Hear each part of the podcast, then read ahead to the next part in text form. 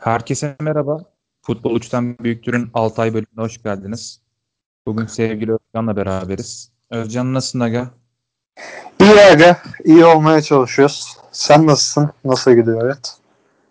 Valla ben de iyiyim sağ olasın. İşte futbol takip ediyoruz sabah akşam. O şekilde Aynen. ilerliyor. Aynen öyle. Sizin o taraf biraz çalkantılı duruyor son zamanlarda. Osman Evet. Gelişi sonra daha da beter oldu. O süreçle ilgili hem bilgi hem de yorum alabilir miyiz senden? Ee, Osman Hoca'nın aslında e, bu olay şeyden başlıyor. Osman Hoca'nın dillendirilmesinden başladı o olay. Hani Osman Hoca geldikten bir hafta önce ismi geldi. Hani o bir haftadır o muhabbet dönüyordu. Hani belki İzmir basınına hani bir iki gün kala geldi o nasıl diyeyim İzmir basının bir iki kala, gün kala haberi oldu ama bir haftadır zaten taraftarların çoğu biliyordu Osman Hoca'nın geleceğini ve zaten bu haber duyulduktan sonra kaos başladı. Ee, birazdan da anlatacağım. Zaten kaos içinde olan kulüp iyice karıştı. Abi Osman Hoca'daki olay şu e, sportif yanı istenmemesinin hani sportif sebebi şu ikincilik takımının hocası ve e, benim hatırladığım Denizli dönemi çok iyiydi Osman Hoca. Hani o zaman gerçekten takdir edilen bir futbol oynatıyordu o takıma, o kadroya göre. Ve ilk sezon önceki Osmanlı döneminde gerçekten iyiydi. Onun dışında son 5 sezondur başarısız bir hoca Osman Özköylü. Kabul etmek lazım. Ee, bu yüzden sportif olarak istenmemesinin sebebi bu. Fakat bu işin iki sebebi daha var. İstenmeme sebebinin. İki yönü daha var. Birincisi etik yönü. Hani tabiri caizse resmen ayarta, ayartarak Osman Hoca getirildi.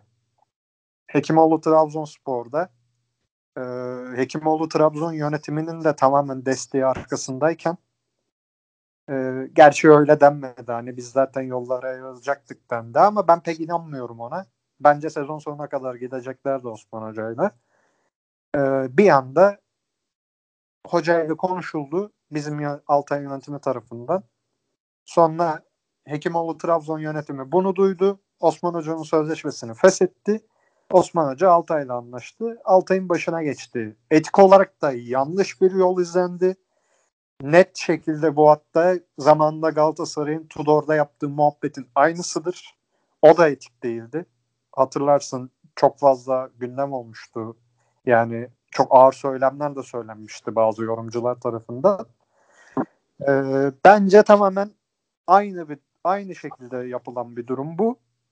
Ee, etik olarak da yanlış bir şey, yanlış bir hamle. Üçüncüsü de en önemlisi, hadi bu ilk ikisini geçtim. İşte sportif belki hani forma girer hoca, şampiyon yapar. Etik olarak da profesyonel futbol dünyası yapılıyor diyebilirsin ama üçüncü yönü şu abi. Osman Hoca'nın iki tane olayı var. Birincisi teknik direktörken, birincisi futbolcuyken. Futbolcuyken bunu ben bilmiyorum. 87 yılında galiba olmuş bir şey. Alsancak Stadında Altay Aldı- Aydınspor oynuyor. Aydınspor olabilir. Yani tam hatırlamıyorum. Hani hoca Aydınspor efsanesi olduğu için Aydınspor dedim. Başka belki başka bir takım olabilir. Ee, Altay'la hocanın takımı oynarken futbolcu olarak Osman Hoca'nın Alsancak'taki kapalı tribündeki Altay taraftarlarına dönüp küfrettiğini söyleyen e, abilerimiz var. E, o yüzden istenmeme yani o yüzden sevimli karşılanmayan bir adam. İkinci olarak da yine teknik direktörken de bu tarz bir olay olduğunu söylüyorlar ama bunu şey yapamadık. Yani bu anlattığım birinci olay fact. Kesin yaşanmış bir olay bu. Zaten Osman Hoca da bu yüzden işte taraftara çok şey yapıyor. Nasıl diyeyim? Taraftarı kendini affettirmeye çalışıyor. Bu e, beyanatlarında diyeyim. E, bu kesin yaşanmış bir olay. İkinci olayı bilmiyorum kesin mi? Fakat teknik direktörken de aynı şekilde bir reaksiyonu olduğunu söylüyorlar. E, fakat bu kesin değil. Bu bulanık olmayabilir. O yüzden buradan bir yargılama yapmak istemiyorum hocaya. Ya böyle üç tane ana sebebi var hocanın istenmemesinin. Ee, ben, bence hani e, bana kalırsa ben de çok sevinmedim. Hani bence de yanlış bir şey. Fakat abi ben şeyi falan geçiyorum. Hani işte oyuncuyken küfretmiş falan. Yani 33 sene önce olmuş bir olay. Hani ben buna takılmıyorum ama hem Osman Hoca'nın çok sevimli bir adam olmaması geçmişine dayalı hem de sportif olarak formsuz olması, son senelerde başarısız olması sebebiyle ben de Osman Hoca'yı istemeyenler arasındaydım. Ee, şu anda da pek olumlu bakamıyorum maalesef. Yani pek sıcak bakamıyorum. Ee, hatta şöyle bir şey var. Ee, bence hani bu takım şampiyon olursa Osman Hoca'dan ziyade hani payın çok büyük kısmını Osman Hoca almayacak yani. Takım şampiyon olacak. Yani benim düşüncem böyle. Hala sıcak bakamıyorum. Ve ee, çok büyük böyle inanılmaz bir toparlama olmazsa takımda, oyunda çok böyle başarılı olacağını da düşünmüyorum bu birlikteliğin. Maalesef. Anladım abi. Yani e, as- açıkçası çok olumlu bir görüntü çizmedim. Gerçekçi Evet. bir görüntü çizdim. E, peki bu süreçte tamam karar alındı. Başkan da bir şekilde bu kararı verdi. Hı hı. Bu karar saha içine ve taraftara, öncelikle taraftara sonra saha içine nasıl yansıdı?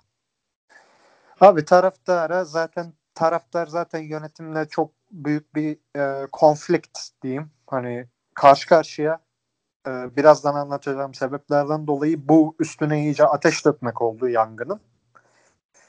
E, takım olarak da takımı çok etkilediğini düşünmüyorum çünkü tribünler kapalı. Hani pandemiden dolayı e, affedersin Ebu Cehil'i Ebu Cehil'i getirsek takımın başına veya e, yani Ebu Cehil demeyeyim de hani böyle Göztepe efsanesi bir adam. Yani Altay'dan nefret eden işte Sakaryaspor efsanesi birisini veya Sakaryaspor tribün liderini getirseler teknik direktörlüğe yine takımı etkilemez. Çünkü e, tribünler kapalı. Yani e, taraftar tepki veriyor ama bunu seninle ilk bölümde konuştuğumuz muhabbet tamamen internetten sanal bir şekilde tepki veriyor. Bunun ne kadar etkili olduğu çok şey meçhul yani. Hani çok etkili bir yöntem değil ama tribünler açık olsa işte her maç yuvalama olurdu. İşte küfür olurdu, istifa et olurdu. O olurdu, bu olurdu. İşte protesto olurdu. Kimse bağırmazdı, tezahürat yapmazdı. Takıma destek olmazdı. Hani Osman Hoca'ya tepki vermek için, onu protesto etmek için e, belirli eylemler yapılırdı. Bu takımı da etkilerdi ama tribünler zaten kapalı abi. Pandemiden dolayı İzmir Emniyeti de hani Türkiye'nin her yerin hemen hemen her yerinde bunu yapıyor taraftarlar. Herhalde bir tek İzmir'de yok. Taraf e, İzmir Emniyeti izin vermiyor. Kimse tesislere toplu bir şekilde gidemiyor. Hatta üç tane atkılı insanı yan yana gördükleri zaman hemen ayırıyorlar. Hani İzmir'de böyle bir ortam var. Tesise gidip de protesto edemiyor. O yüzden takıma bir etkisi yok. Ama taraftara zaten bir yangın vardı ortada. O yangına benzini döktü yönetim. Abi o zaman istersen takvimi biraz daha geri saralım. Ortamda bir yangın vardı demiştin. O yangın hakkında bize neler anlatabilirsin? Abi o yangına bu yangının aslında başlangıcı 2018. Ee, şöyle söyleyeyim. 2000, 2016 17 sezonun başında şu anki başkan ve o zamanki yönetim kurulu başkanlığa seçildi. Hani seçildiler kulüpte yönetime. Ee, ilk sene gerçekten üçüncülük için inanılmaz bir kadro kuruldu. Fakat paralar da harcandı. Ve o zamanki seçimde Özgür Başkan'ın şöyle bir demeci vardı. Ben ilk seneki bütün harcamalarımı hibe edeceğim kulübe. Yani bunu demişti. Fakat ondan sonraki harcamalarla ilgili yani bütün yaptığı bütün cepten yaptığı harcalım, harcamaları ne yapacağı konusunda bir şey kesinlik yok. Yani e, bizim tahminimiz de taraftarlar olarak işte başkan ayrıldıktan sonra işte ilk sene diyelim ki 15 milyon lira harcadı. Toplamda 75 harcadı. 15'ini bırakacak. 60 milyon liraya ama isteyecek. Ee, olay buradan patlıyor. 2018 senesinde şampiyon olundu ikincilikte. O zaman Özden Töraydın vardı. Takım şampiyon olunca hem de Özden Töraydın'ın son 4 maç takımın başında olduğu bir dönemde şampiyon olununca o eleştiriler biraz kesildi. Ee, Özden Töraydın'a yönelik eleştiriler.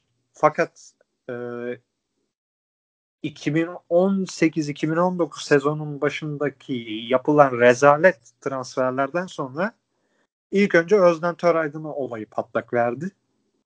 İstifası istendi. Başkan yollamadı. İnatla yollamadı. İşte o zamanki yapılan transferlerin maliyetine bilinmiyor. Bir tek Pedro'nun o zaman Pedro'nun maliyeti biliniyor. Sol kanat bonservisi. Bir de Payşan'ın maaşı biliniyor. Onun dışında o arada gelen Ivan Ivanov'un maliyeti, Muhammed Daf geldi onun maliyeti. Hani böyle yabancı transferler yapıldı rezalet. Bunların maliyeti bilinmiyor. Fakat abi takım iki kere son iki sezon şampiyon olduğu için o zaman da pek şey olmadı. Tepki sadece Özden Töraydın'aydı. Fakat yavaş yavaş da yönetime e, sıçramaya başladı olay. 2019-2020 sezonu geldi. Yine o 2018-19'un ortasında Pucila, Tatos gibi, Tavares gibi gerçekten bence pahalıdır muhtemelen. Hani maaşları yüksektir. Üç tane böyle transfer yapıldı. Ee, onların maliyetleri bilinmiyor. 19-20 sezonun başında yine bir sürü adam alındı. Onların maliyetleri de bilinmiyor. Ve en son bu sezonun başında inanılmaz transferler yapıldı. İnanılmaz derken iyi, muhteşem anlamında demiyorum. Sayı olarak söylüyorum. İnanılmaz bir transfer e, trafiği yaşandı ve hiçbirinin maliyeti bilinmiyor kulüpte. Ee, şeffaflık adına kulüp sıfır. Yani şu anki yönetim sıfır. Koskoca bir sıfır. Ee, ve abi bu sezonun başında taraftarlar inatla şunu istedi. Mali kongre yapın. Mali kongre yapın, mali kongre yapın. Başkan da buna cevap verdi. Ekim ayında mali kongre yapacağım diye. Şubat ayının sonuna geldik. Hala mali kongre yok ortada. İşte Yücel Hoca gönderildi falan filan. Ee, hala ortada bir şey yok. Ve e, bu yayından önce sana bahsettiğim bir hayal kırıklığı dediğim bir şey var. İşte e, Taraftarlar Derneği ile alakalı. Eskiden abi iki sene önce hatırlıyorum ben. Yine bir şeyler olmuştu. Hani bu kadar tepki yoktu ama bir şeyler olmuştu. Ve yine yönetime bir tepki vardı. Fakat abi o zamanki Taraftarlar Derneği'nin yönetimi başkaydı. Ve iki gün içinde bir görüşme ayarladılar başkanla. Başkan derneğe geldi. Canlı yayın yapıldı. Tak tak tak. Bütün soruların cevapları şey oldu. Taraftar aklındaki her şeyi söyledi başkana. Başkan söyledi. İşte bazılarına yanlış biliniyor. İşte bir nevi iftira yapıyorsunuz gibisinden söyledi. Bazıları da evet doğru dedi. Fakat böyle böyle dedi. Bazılarında da hatalı olduğunu kabul etti. Ve o gün o olay kapandı. Fakat abi bu sefer yine öyle bir şey yapılmaya kalkışıldı. Fakat 6 ay nasıl diyeyim 6 aya geç yapıldı. O zamanki Taraftarlar Derneği'nin reaksiyonu bu sefer alınamadı ve yine böyle nasıl diyeyim çok tepkili konulan bu Keçiören gücü maçından sonra 4-0 yenildiğimiz maç. Ondan sonra yine işte istifalar havada uçuşuyor, yönetime tepkiler havada uçuşuyor. Taraftarlar Derneği'nin başkanı ve e, yanında yine dernekten hani derneğin başkanlarından biri veya yardımcısı diyeyim. Ya yani eski abilerinden. Türbünün eski iki tane abisi başkanla beraber bir arabada fotoğraf çekti ve ağır bir şey e, post attı. Nasıl diyeyim? Ya şu an adım şu an gerçekten içeriğini unuttum ama ağır bir post attı. Ee, bizim Facebook'taki işte Altay tribününün kapalı grubuna bu arada 2000 kişi falan var. Yani camianın bütün nasıl diyeyim bildiğin atar damarı gibi bir şey orası. Bütün haberler orada dönüyor. Bütün tartışmalar orada dönüyor. Bütün sevinçler işte transfer duyumları falan her şey orada döner. Oraya e, ağır bir ağır içerikli ve taraftarın kalbini kıran bir post atıldı. Ondan sonra biz onu kastetmemiştik. İşte yanlış anlayan abiler kardeşler kusura bakmasın başkalarına demiştik diye çevirmeye çalıştılar ama yemezler abi. Ee, o da bir hayal kırıklığı oldu. Ee, zaten yönetim kısmı yangın içinde ee, ve Osman Hoca da bunun üstüne gelince taraftarın tek nasıl diyeyim tutunma dalı takımdı. Takım başarılı olursa en azından hani bir şekilde toplayabilir miyizdi. Fakat takımın başına da Osman Hoca gelince tamamen umut kaybedildi ve şu anda hani inanılmaz bir kaos var kulübün içinde ya. Hani e, işte başkana soruluyor mesela. Başkan borçlar ne alemde? İşte borç soruluyor. Efendime söyleyeyim başka şeyler soruluyor. Hani mesela 3 soru soruluyorsa mali konuda başkan sadece birine cevap verdi. 3 tane soru soruldu. İşte bu senenin baş ortasındaki nasıl diyeyim? Bu senenin ortasındaki transferlerin maliyetleri ne dedi? Taraftar diye sordu. Borç borçlar ne durumda diye sordu. Bir de bu menajerlik olayları ne diye sordu. Başkan sadece borcu açıkladı. Yani 88 milyon lira borcumuz varmış. Ee, sadece bunu açıkladı başkan. Menajer olaylarını mesela tam açıklayamadı. Tatmin olmadı taraftar. Ee, zaten hani onlar da bir şeyler söyledi. Menajer olaylarında taraftar tatmin olmadı. Diğer oyuncu maliyetleriyle alakalı hiçbir şey söylemedi bu devre arasındaki. Ee, yani çok fazla şey var abi. Şu anda hatırlamaya çalışıyorum. İşte bu menajer olayları var. Ee, bir tane Metin diye menajer var. Bu Karabük Spor'un e, hatırlıyorsun değil mi? Bu bunların şey olduğu battığı dönem hangi dönemdi? 2017 miydi? 17-18. Ha bu bir menajer falan vardı. Menajer Metin olayları varmış galiba. Ee, o adamın 2-3 tane futbolcusu bizim kulüpte. Tolga Ünlü, Berkay galiba. Bir iki kişi daha. Ve abi bu adam nasıl diyeyim devre arası kampında bizim kampta dolaşmış. Başkan şöyle açıkladı. İşte 3-4 tane futbolcusu var. Böyle böyle indirim olayları veya indirim değil de işte antrenmanlı kamptaki performansları iyi değilmiş. Başkan öyle söylüyor. Bu menajer Metin de bunları işte bir nevi kulağını çekmiş. İşte bunlarla konuşma yapmış falan filan. Açıklaması bu. Fakat menajer Metin denen adamın menajerlik şeyi bile yok. Lisansı bile yok. Ya anladın değil mi demek istediğim şeyleri? Yani Evet. böyle şeyler var. İşte bu menajer Metin'in Karabük Sporu zamanında e, battığı dönemde Karabük Spor'un içinde dolaşan bir adam olması. İşte borçların oyuncu alacaklarının vereceklerinin tamamıyla açıklanmaması hiçbir türlü. Ve Taraftarlar Derneği'nin buna böyle tepki vermeme yani tepki derken istenen tepkiyi vermemesi hiçbir zaman son bir senedir. Üstüne üstlük takımın başına işte Osman Hoca'nın sevilmeyen bir adamın gelmesi e, kulüp kaos içinde. Yani e, öyle bir durumdayız ki şu anda işte Adana Demir maçını kazandık. Biraz dinginleşti olay. Yani herkes biraz sakinleşti. Yenildik tekrar karıştı. Biz bundan sonra 5 maç üst üste kazansak ilk 3'e girsek, ilk 2'ye çok yaklaşsak işte 1-2 puanı indirsek 5. maçtan sonraki maçı kaybetsek ortalık yine karışacak. Yani çok kırılgan bir hale geldi camia. Ee, Allah sonumuzu hayretsin diyeyim. Yani bak daha hani aklıma şimdi şimdi geliyor. Daha öncesinden anlatmadığım bir sürü olay var. Ee, Özlem Töraydın'la ilgili olaylar var ama hani Gerçi o ayrıldığı için anlatmaya pek gerek yok. Ama o zaman da bazı olaylar olmuştu. Fakat takım başarılı diye pek şey yapılmamıştı. Şimdi biraz da birikim de var o zamanlardan gelen. Ee, durum bu abi. İşte menajer oyun menajerler menajerlerin tekin olmaması kulüp içindeki işte borç durumu nedir? Başkanın alacak durumu nedir? Bıraktıktan sonra ne kadar alacak? Ne kadar temlik koyduracak? Bunlar bilinmiyor. İşte takım ne hale gelecek? Takımda ne olacak? Bunlar bilinmiyor. Neden bu kadar gidip dört tane sabek alındı takıma? Nasıl bir planlama yapıldı? Kim yaptı bunu? Bu bilinmiyor.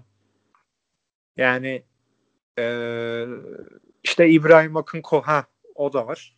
İbrahim Akın'la Murat Uluç kovulmuştu 6 ay önce. Kulüpte çalışıyorlardı. Onların neden kovulduğu 6 ay açıklanmadı. Yani böyle de bir sıkıntı var. Daha yeni açıklandı. Murat Uluç performans yetersizliğinden dolayı kovuldu. İbrahim Akın'la alakalı da karşılıklı anlaşamadık, ayrıldık dendi. Ama mesela bu tarz şeyler 6 ay açıklanmıyor. Anladın değil mi? Şeffaflık problemi de var. Yani böyle garip bir durum var Altay camiasında. Allah abi cidden işler sıkıntılı. Bu arada sen konuşurken baktım menajer Metin dediğim Metin Korkmaz mı? Hayır o değil. Başka Metin bu. Hmm. O Metin da çünkü Bursa. Bursa Yok, ile o- Adana Demir'e sarmıştı bayağı o da çünkü. Yok yok. Adana Demir'e sarı hala Adana Demir'e sarıyor diye biliyorum da Hı hı. Ee, yok Men- Metin Korkmaz değil o. Farklı bir Metin. Adını unuttum şimdi. Menajer Metin diye bir herif. Ee, Hı. işte onunla ilgili abi mesela bak başkan bunları 6 ay önce Ekim'de o mali kongreyi yapsa o zaman dese 90 milyon lira borcumuz var. Menajer Metin şudur budur yani bu 2-3 hafta önce yaptığı açıklamaların aynısını 6 ay önce yapsa aynı açıklamalar ama cidden bir gram tepki olmazdı. Yani sıkıntı taraftarın ciddiye alınmayıp biraz da 6 ay sonra güç bela açıklama yapılması ve Taraftarlar Derneği'nin bir türlü reaksiyon alıp yönetimi sıkıştıramaması, orada kontrol mekanizması olamaması. Yani bunlar da olayı mesela bir, bir buçukluk olayı üçe çıkardı. Hani çarpan etkisi yarattı bu gecikmeler. Abi peki dedin ya şimdi 5 maç üst üste kazansak ama sonra bir tane kaybetsek sıkıntı yaşayacağız diye. Evet. Ee, Altay'ı bu kaostan çıkaracak olay ne olur sence? Başkanın değişmesi mi? Yoksa Süper Lig'e çıkılsa mesela kaos sona erecek mi sence? Abi Süper Lig'e çıkılsa da kaos sona ermez. Bu kaosu bitirecek tek şey adam gibi bir mali kongre. Bütün üyelerin kongreye katılması hatta başkan başkanın bir güven oyu alması. İşte bir seçim yapıp hani kendine güveniyorsa böyle sağlam güvenilir Altaylı hani bilinen Altaylı yöneticilerle insanlarla bir yönetim kurulu kurup tekrardan seçime gitmesi eğer bunu yapmayacaksa ki bırakmayacağını söyledi. Hani 2-3 sene hani bizim hedefimiz 3-4 yıllık dedi. Ee, bunu yapmayacaksa abi çok detaylı, çok şeffaf, her şeyi açıklayan bir mali kongre yapılması. Yani başkanın biraz korkusu işte borç fazla çıkacak. En az 100 milyon lira borç çıkacak. Ve tepki çekecek. Fakat abi tepki çekmez. Niye? Çünkü zaten bütün kulüpler aynı durumda. Hani şey zannediyor başkan.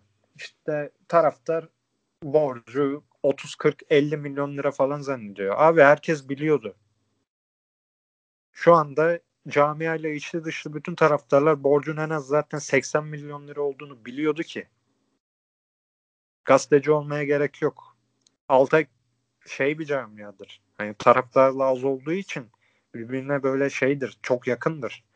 Bir yerden çıkan bir duman kokusu herkes tarafından duyulur. İşte ve iki gün içinde bu haber yayılır. Hemen hemen herkes biliyor zaten borcun ne durumda olduğunu. Bizim isteğimiz ses böyle şeffaf bir şekilde bütün detaylarıyla açıklaması başkan. Vergi borcu kuruşu kuruşuna ne kadar? İşte hangi futbolcuya ne kadar borç ver? Kuruşu kuruşuna. Aşçıya bilmem neye var mı yok mu bilmiyorum ama piyasa borcu ne kadar? Alacak verecek ne kadar? Hani zaten bütün olay o güvensizlikten oluyor. Hani mali olarak güvenilse başkana e, sportif olarak kimsenin zaten diyecek bir şey yok adama. Sportif olarak bizim jenerasyonun gördüğü en başarılı başkan. Bak bunun hiç tartışması yok yani. Sıkıntı mali güvensizlik ve bu menajer olayları buna çok şey yaptı, etkiledi. Ya, ve bir o de- menajer olaylarını net bir şekilde anlatması lazım. Hatta adamları kongreye getirip anlattırması lazım. Belgeleriyle göstermesi lazım. Yani der gerekirse iki gün sürecek bir mali büyük kongreye ihtiyacı var Altay'ın. İsterse bundan sonraki maçlarını kazanıp birinci sıradan şampiyon olarak çıksın. Fark etmez abi. Artık o kongre yapılacak yani şart. Anladım. Valla gerçekten karmaşık konular. Bir de şey diyeceğim ben. Camianın mali konularda bu kadar hassas olmasının sebebi AŞ'ye karşı olmasından değil mi biraz? Yani AŞ yapılanmasına bir şey olursa AŞ yapılanmasına geçeriz gibi bir kafa olmadığı için taraftar Evet. daha bu konuyu düşünüyor biraz. Abi biraz da işte e, taraftar derneğine kızılmasının sebebi o. Biz AŞ değiliz. Taraftar derneği e, denetim mekanizması olmalı kulüpte. Biz hiçbir AŞ yönümüz de yok ha. Hani Fenerbahçe Galatasaray nasıl dernek ama futbol kısmı AŞ değil mi? Altay tepeden tırnağa dernek. Hiçbir profesyonel şirketleşmiş yapısı yok Altay'ın şu anda. Komple dernek Altay. Yani e, o yüzden çok güçlü bir mekanizma lazım Altay'a ve bunu yapan da senelerce Taraftarlar Derneği ve Sosyal Dayanışma Derneği olduğu Altay'ın çok da güzel yaptılar. Hani biz o kadar başarısız olduk bilmem ne. İşte iki sene başarısız olan kulüpler 80-90 milyon lira borçla gidiyor. Biz o kadar sene küme düştük. 2015'te, 2011'de playoff'ları kaçırdık, şey yaptık. Bizim borcumuz maksimum 20 milyon lira falandı.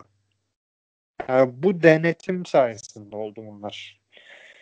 Ee, ya anlata, anlatmaya çalıştığım şey bu. Hani biz dernek olduğumuz için ve hiçbir zaman AŞ olmayı düşünmediğimiz için e, denetimin mekanizmasının o kulüp içinde başkanı, yönetimi denetleyecek mekanizmaların çok güçlü olması lazım. Ve bu bir Altay geleneğidir. Ee, abi şöyle bizim efsanemiz Vahap Özaltay o şeyde kongre kürsüsünde 62 yılında galiba kalp krizi geçirip vefat ediyor.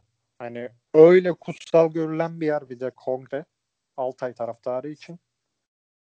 Ee, o kongrenin yapılması lazım. O denetimin yapılması lazım. Hani e,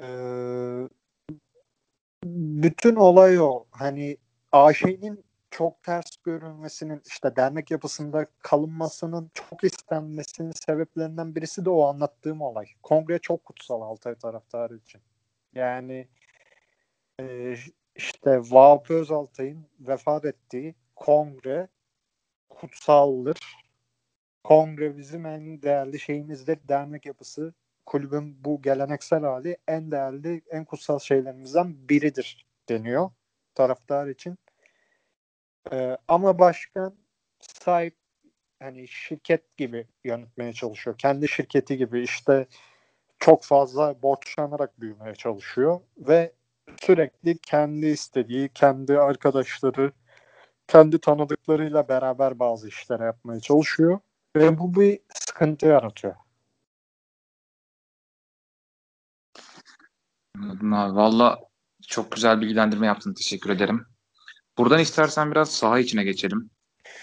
Geçelim abi. Ee, Şimdi- ne yapalım? Üç maçı mı konuşalım? Sonra üç Aynen maçı ya. konuşalım. son 3 maçı konuşalım. Orada ilk diyeceğim Hı hı. şey benim ilk maçta Hı e, hı. kadro açıklandıktan sonra 3 defansif orta sahayla çıkıldığı için ve Rıdvan'ın ilk 11'de olduğu için bir Rıdvan ilk 11'deydi yanlış hatırlamıyorsam onun bir tepkisi vardı. Daha sonrasında Ha, işte evet. mağlubiyet vesaire falan derken tepkiler zaten giderek büyüdü. Hı Yani üç maçı sen tek parça halinde anlatırsın zaten bize de. Sonrasında hı. kazanmak beklenmeyen maçta Demirspor galibiyeti gelince biraz ümitler arttı gibi oldu. Evet. Sonra tekrar aslında hani zor maç kazanıldı, kolay maçlar kaybedildi gibi oldu. Sen Evet. olay içini nasıl yorumlarsın? Abi Keçiören gücü maçı tamamen bir fiyasko. Ee, 2-0 Keçiören gibi kısır bir takımdan hani 4-0'ı tartışmıyorum. 10 kişi kalmasa Altay 4 yemezdi. O maç 2-0 biterdi. Ama problem zaten senin o kadar hemen ilk yarıda o kadar çabuk iki gol yemen. Burada bir patlak verdi. Hani 3 tane defans orta saha koyacaksın. Ya gol yemeyeceksin ya da gol yemeyeceksin. Çünkü senin se- şeyin belli. 3 orta sahayla orta sahayı tutayım ama hücumu hiç orta sahadan değil bekler kanatlar üstünden hiç top şişirerek yapayım diye bir mantığım vardı. Zaten direkt patladı. İlk golü yedim patladım. Reaksiyon da veremedim. İlk maç bir facia. Hani gerçekten konuşulacak hiçbir şey yok ilk maç üstüne. Facia bir maçtı. Ee, ezilerek fiyasko şekilde bitirdim. Abi Adana Demir maçıyla alakalıysa e, ilk yarıda çok beğendim takımı. 2-0 bitti. İkinci yarıda yine çok kötü bir futbol vardı. E, ama onu da eleştiremiyorum. Çünkü e, takımın sıkıntılı bir dönem. 3 maç üst üste kaybetmişti. Özgüven problemi vardı. Kazanması lazımdı bir şekilde. O yüzden skoru korumaya yönelik oynadı, geri çekildi ve bir şekilde kazandı. O yüzden o maçı çok bir eleştiri yapamam. Yani Adana Demir deplasmanında e, 2-1'i tabii ki de korursun. 2-0'ı tabii ki de koru, korursun. Hani çok fazla çekildin ama onu korumaya çalışırsın. Geride çekilirsin. Ona yapacak bir şey yok. O maçla ilgili e, bir eleştiri yapamam. Hani çok fazla eleştiren oldu bizim taraftardan ama abi 3 maçtır kaybeden takım 2-0 öne geçtiği zaman böyle bir deplasmanda kaleye otobüsü çeker yani her takım yapıyor bunu. Yapacak bir şey yok ona. Abi son maçla alakalı ise e, millet mesela çok şey yaptı, tepki gösterdi. Altın Ordu olduğu için tepki gösterdi. Altın Ordu'ya kaybedildiği için ama bence mesela o kadar kötü bir maç değildi ya. Yani takım kötü oynamadı abi bence. Yani o ikinci yarının başı ilk 10 dakikasında zaten direkt 2-1 oldu. Ondan sonra çeviremedin ama ilk yarıda iyi bir futbol verdi Altay için. İkinci yarıda ilk 10-15 dakikası rezalet ama onun dışında son yarım saatte tek kale bir takım vardı. Ya baktığın zaman abi maçın 75 dakikası tamamen üstün oynayan bir Altay vardı ama topu kaleye sokamadın ve Lokman'ın hataları rezalet bir futbol oynadı. Ee, maç 3-1 kaybedildi. Ama mesela o maç için hani Keçiören maçı gibi konuşamam abi. Bir fiyasko değil. Yani net şekilde top altayı sevmedi o maç mesela. Bir topu direkten döndü. Bir sürü gol kaçırdı. O kale sahasında Deniz Kadan vuramadığı 3 tane top var. Onlardan birini vursa belki de maç dönecek yani. Ee, kötü bir futbol oynamadı Altay. Hani ta, oyuncular açısından mesela ruhsuz hani her mağlubiyette diyorlar ya ruhsuz topçular falan filan. Hayır abi takım kendini yırttı bir de. O beni mutlu etti zaten bir tek maçta. Takım kendini yırttı. Yapabileceği çoğu şeyi yapmaya çalıştı. Ee, fakat kenardan buna bir destek gelmedi hoca tarafından. Hani çok ince bir değişiklikle işte maçı çözme hamlesi gelmedi takım kendi bir şeyler yapmaya çalıştı. Kendini yırttı. Kaybettiler. Canları sağ olsun. Hani Altın Ordu maçı için söyleyebileceğim tek şey canları sağ olsun. Ellerinden geleni yaptılar. Ama Keçiören gücü maçı için onu konuşamam mesela. O harbiden oyuncusundan yönetimine kadar fiyasko bir maçtı. Abi peki e, hani senle de konuştuk az önce. Üç defansif orta saha konusunu. Hani oradan biraz kadro eleştirisi de yaptık. Hı hı. E, bundan sonraki maçlar için sakatlık, ceza vesaire olmadığı durumlarda ideal 11'i nasıl dizersin? Abi kaleye Stakovya koyarım. Son maç beğenmedim ama iyi bir kaleci her şeye rağmen. Ee, sağ beke Cebrail Karayel'i koyarım. Ee, stopere Gencer'i koymayı çok isterdim. Ama maalesef sakatlığı var. Ee, Berkay'ı bir kez, kesin koyarım stopere. Berkay Sülüngöz'ü. Sol beke Mehmet Erdem'i koyarım. Bence Altay'ın yaptığı en iyi transfer bu devre arasında. Ee, sol stoper için abi yani bilmiyorum ki sakatlıklar ne durumda. Hani Lokman'ı koymayı hiç istemem ama ee, bir bakalım. Ben de bakayım seninle beraber. Ha İbrahim Öztürk sakat değilse İbrahim Öztürk'ü koyarım. Yani Murat'tan memnun? Ha Murat Akçalı olabilir evet. Yani beklediğimden iyi çıktı. Hakkını yiyemem. Hani bu kadar iyi çıkacağını beklemiyordum. Ben daha hani Malatya Spor'da da oynayamadığı için doğru düzgün. Ama iyi. Hareketli, enerjik. Evet Murat e, Murat Akça Berkay ikilisi ortaya. Sol beke Mehmet Erdem, sağ beke Cebrail Karayel, geriye adam Stakovyak'ı koyarım. Orta, orta sahada abi kaliteyi ama kesinlikle koyarım ortaya. Ee, Kalitiyam'ın yanına e, herkes Suk der ama ben mesela Suk'u koymam. Çok çok defansif oluyor. Ee, Suk'u koymamaya çalışırım olabildiğince. Ama orada Yekta falan var. Harun girer Ha, mi oraya? Harun zaten doğru. Harun'un sakatlığı bitince zaten Harun girecek. Kalitiyam Harun olur orta. Önlerinde yine beklediğimden iyi çıkan bir Mossoro'yu koyarım önlerine. Sol kanatta Ziya Alkurt hariç herkes olabilir. Abi ben böyle bir verimsiz adam görmedim ya. Hani bu kadar böyle kendini baktığın zaman kendini parçalıyor gibi oynuyor ama hiçbir şey yok. Bu kadar verimsizlik olmaz. Ee, ben her şeye rağmen abi Regatini bir koyarım sol kanada. Yani çok kişi beğenmiyor ama en azından şeyden iyi abi ya. Yani Ziya Alkurt'tan iyi. Erhan Çelenk'i keserim. Aslında beğenen bir isimim. Beğenen birisiyim Erhan'ı. Ama formsuz olduğunu düşünüyorum.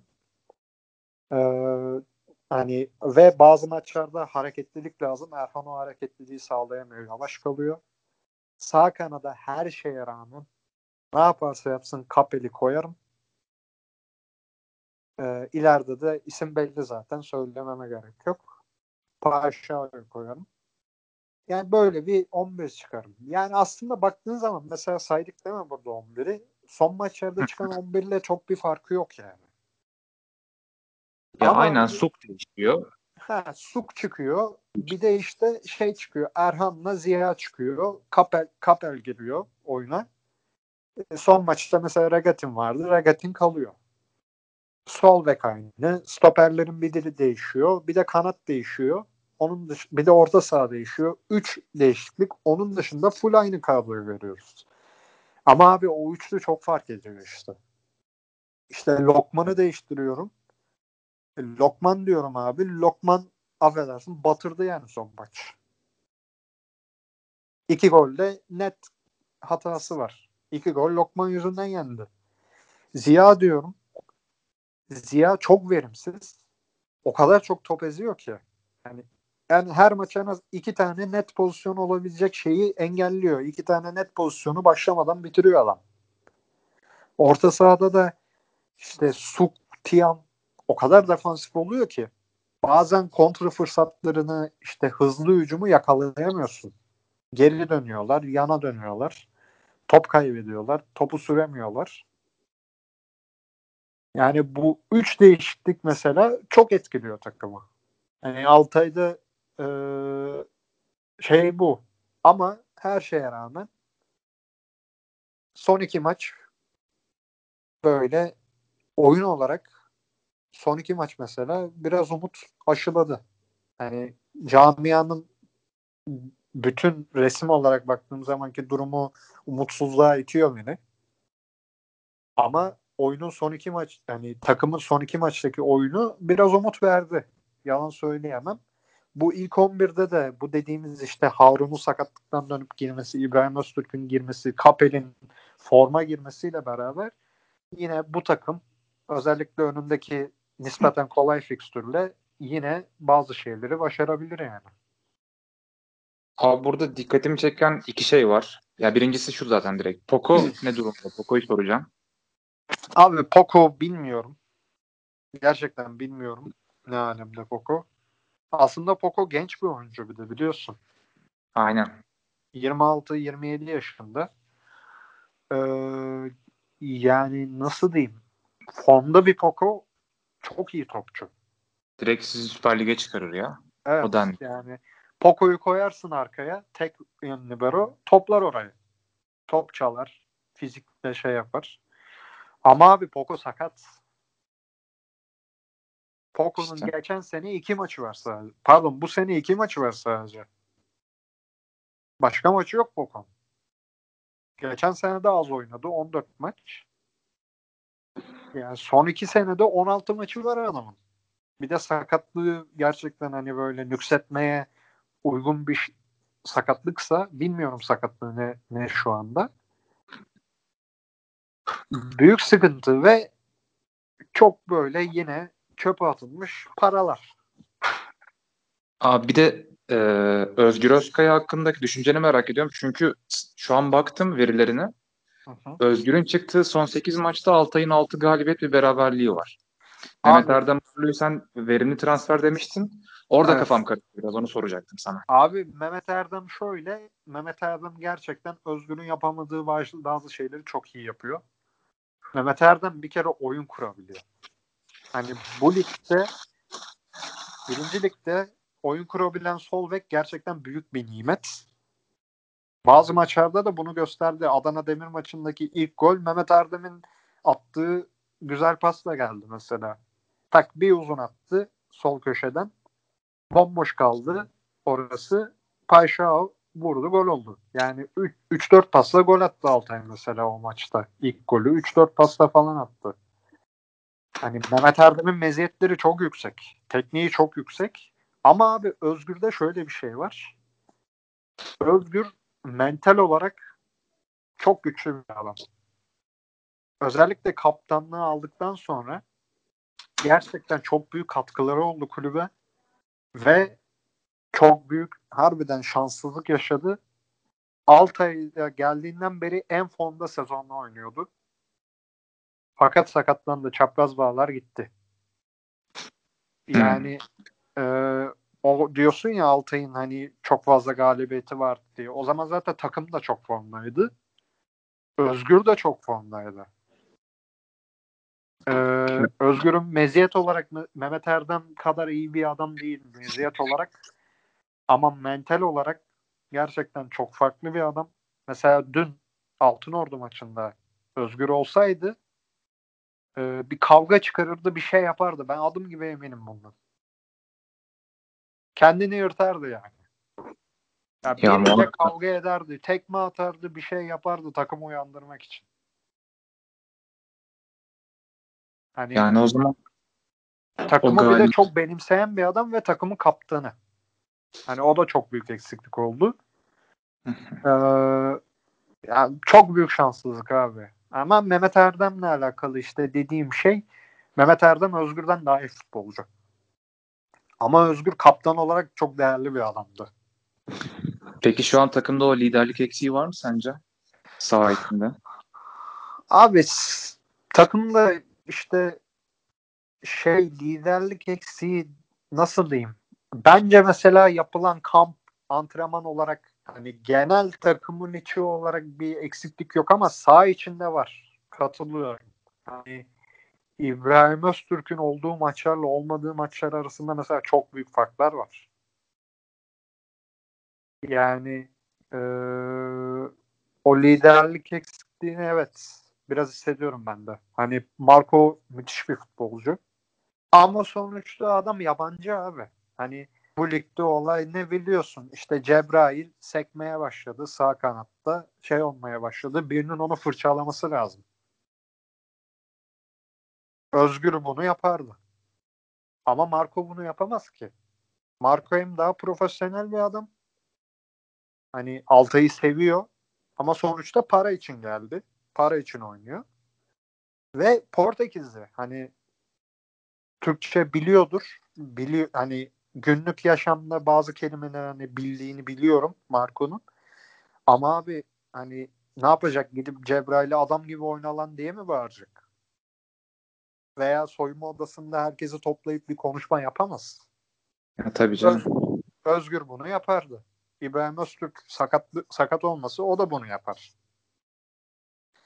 Ee, yani liderlik olarak böyle problemler var ama hani genel takım içinde genel antrenmanından kampına, maç öncesine, maç sonrasına bakarsak o kadar büyük bir eksiklik olduğunu düşünmüyorum ya. Çok tecrübeli adam var takımda çünkü.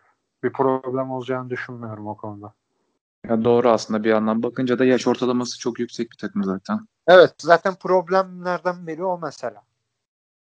Sağ içi konuşuyorsak problem olarak yaş ortalamasının yüksek olması çoğu şeyde büyük problemler yarattı. Hani Adana. Demir maçını o şekilde kazandık. Ama Altın Ordu maçını da yaş ortalaması yüzünden kaybettik biz. Yani takım kendini yırttı ama yetmedi. Neden? Çünkü enerjisi yoktu Altın Ordu kadar. Yani aynı yaş grubunda iki takım oynasa Altın Ordu'nun yaş ortalaması 23 mi ne? Altay'ın da yaş ortalaması 23 olsa o kalitede o maç 5-3 falan biterdi. Altay çevirirdi o futbolla. Anladım abi. Vallahi tespitler, tespitler için çok sağ ol. Ağzına sağlık. Yavaştan kapatalım istersen başka bir söyleyeceğin yoksa. Yok abi yani konuştuk zaten bu programı yapacağız daha sonra da ara ara bölüm olarak. Ee, o zaman da farklı gelişmeler olursa kulüpte sağ içi sağ dışı o zaman konuşuruz. Tamamdır abi. Kendine iyi bak o zaman. Sen de abi. Çok sağ ol. Görüşürüz. Ağzına sağlık. Görüşmek üzere. Eyvallah.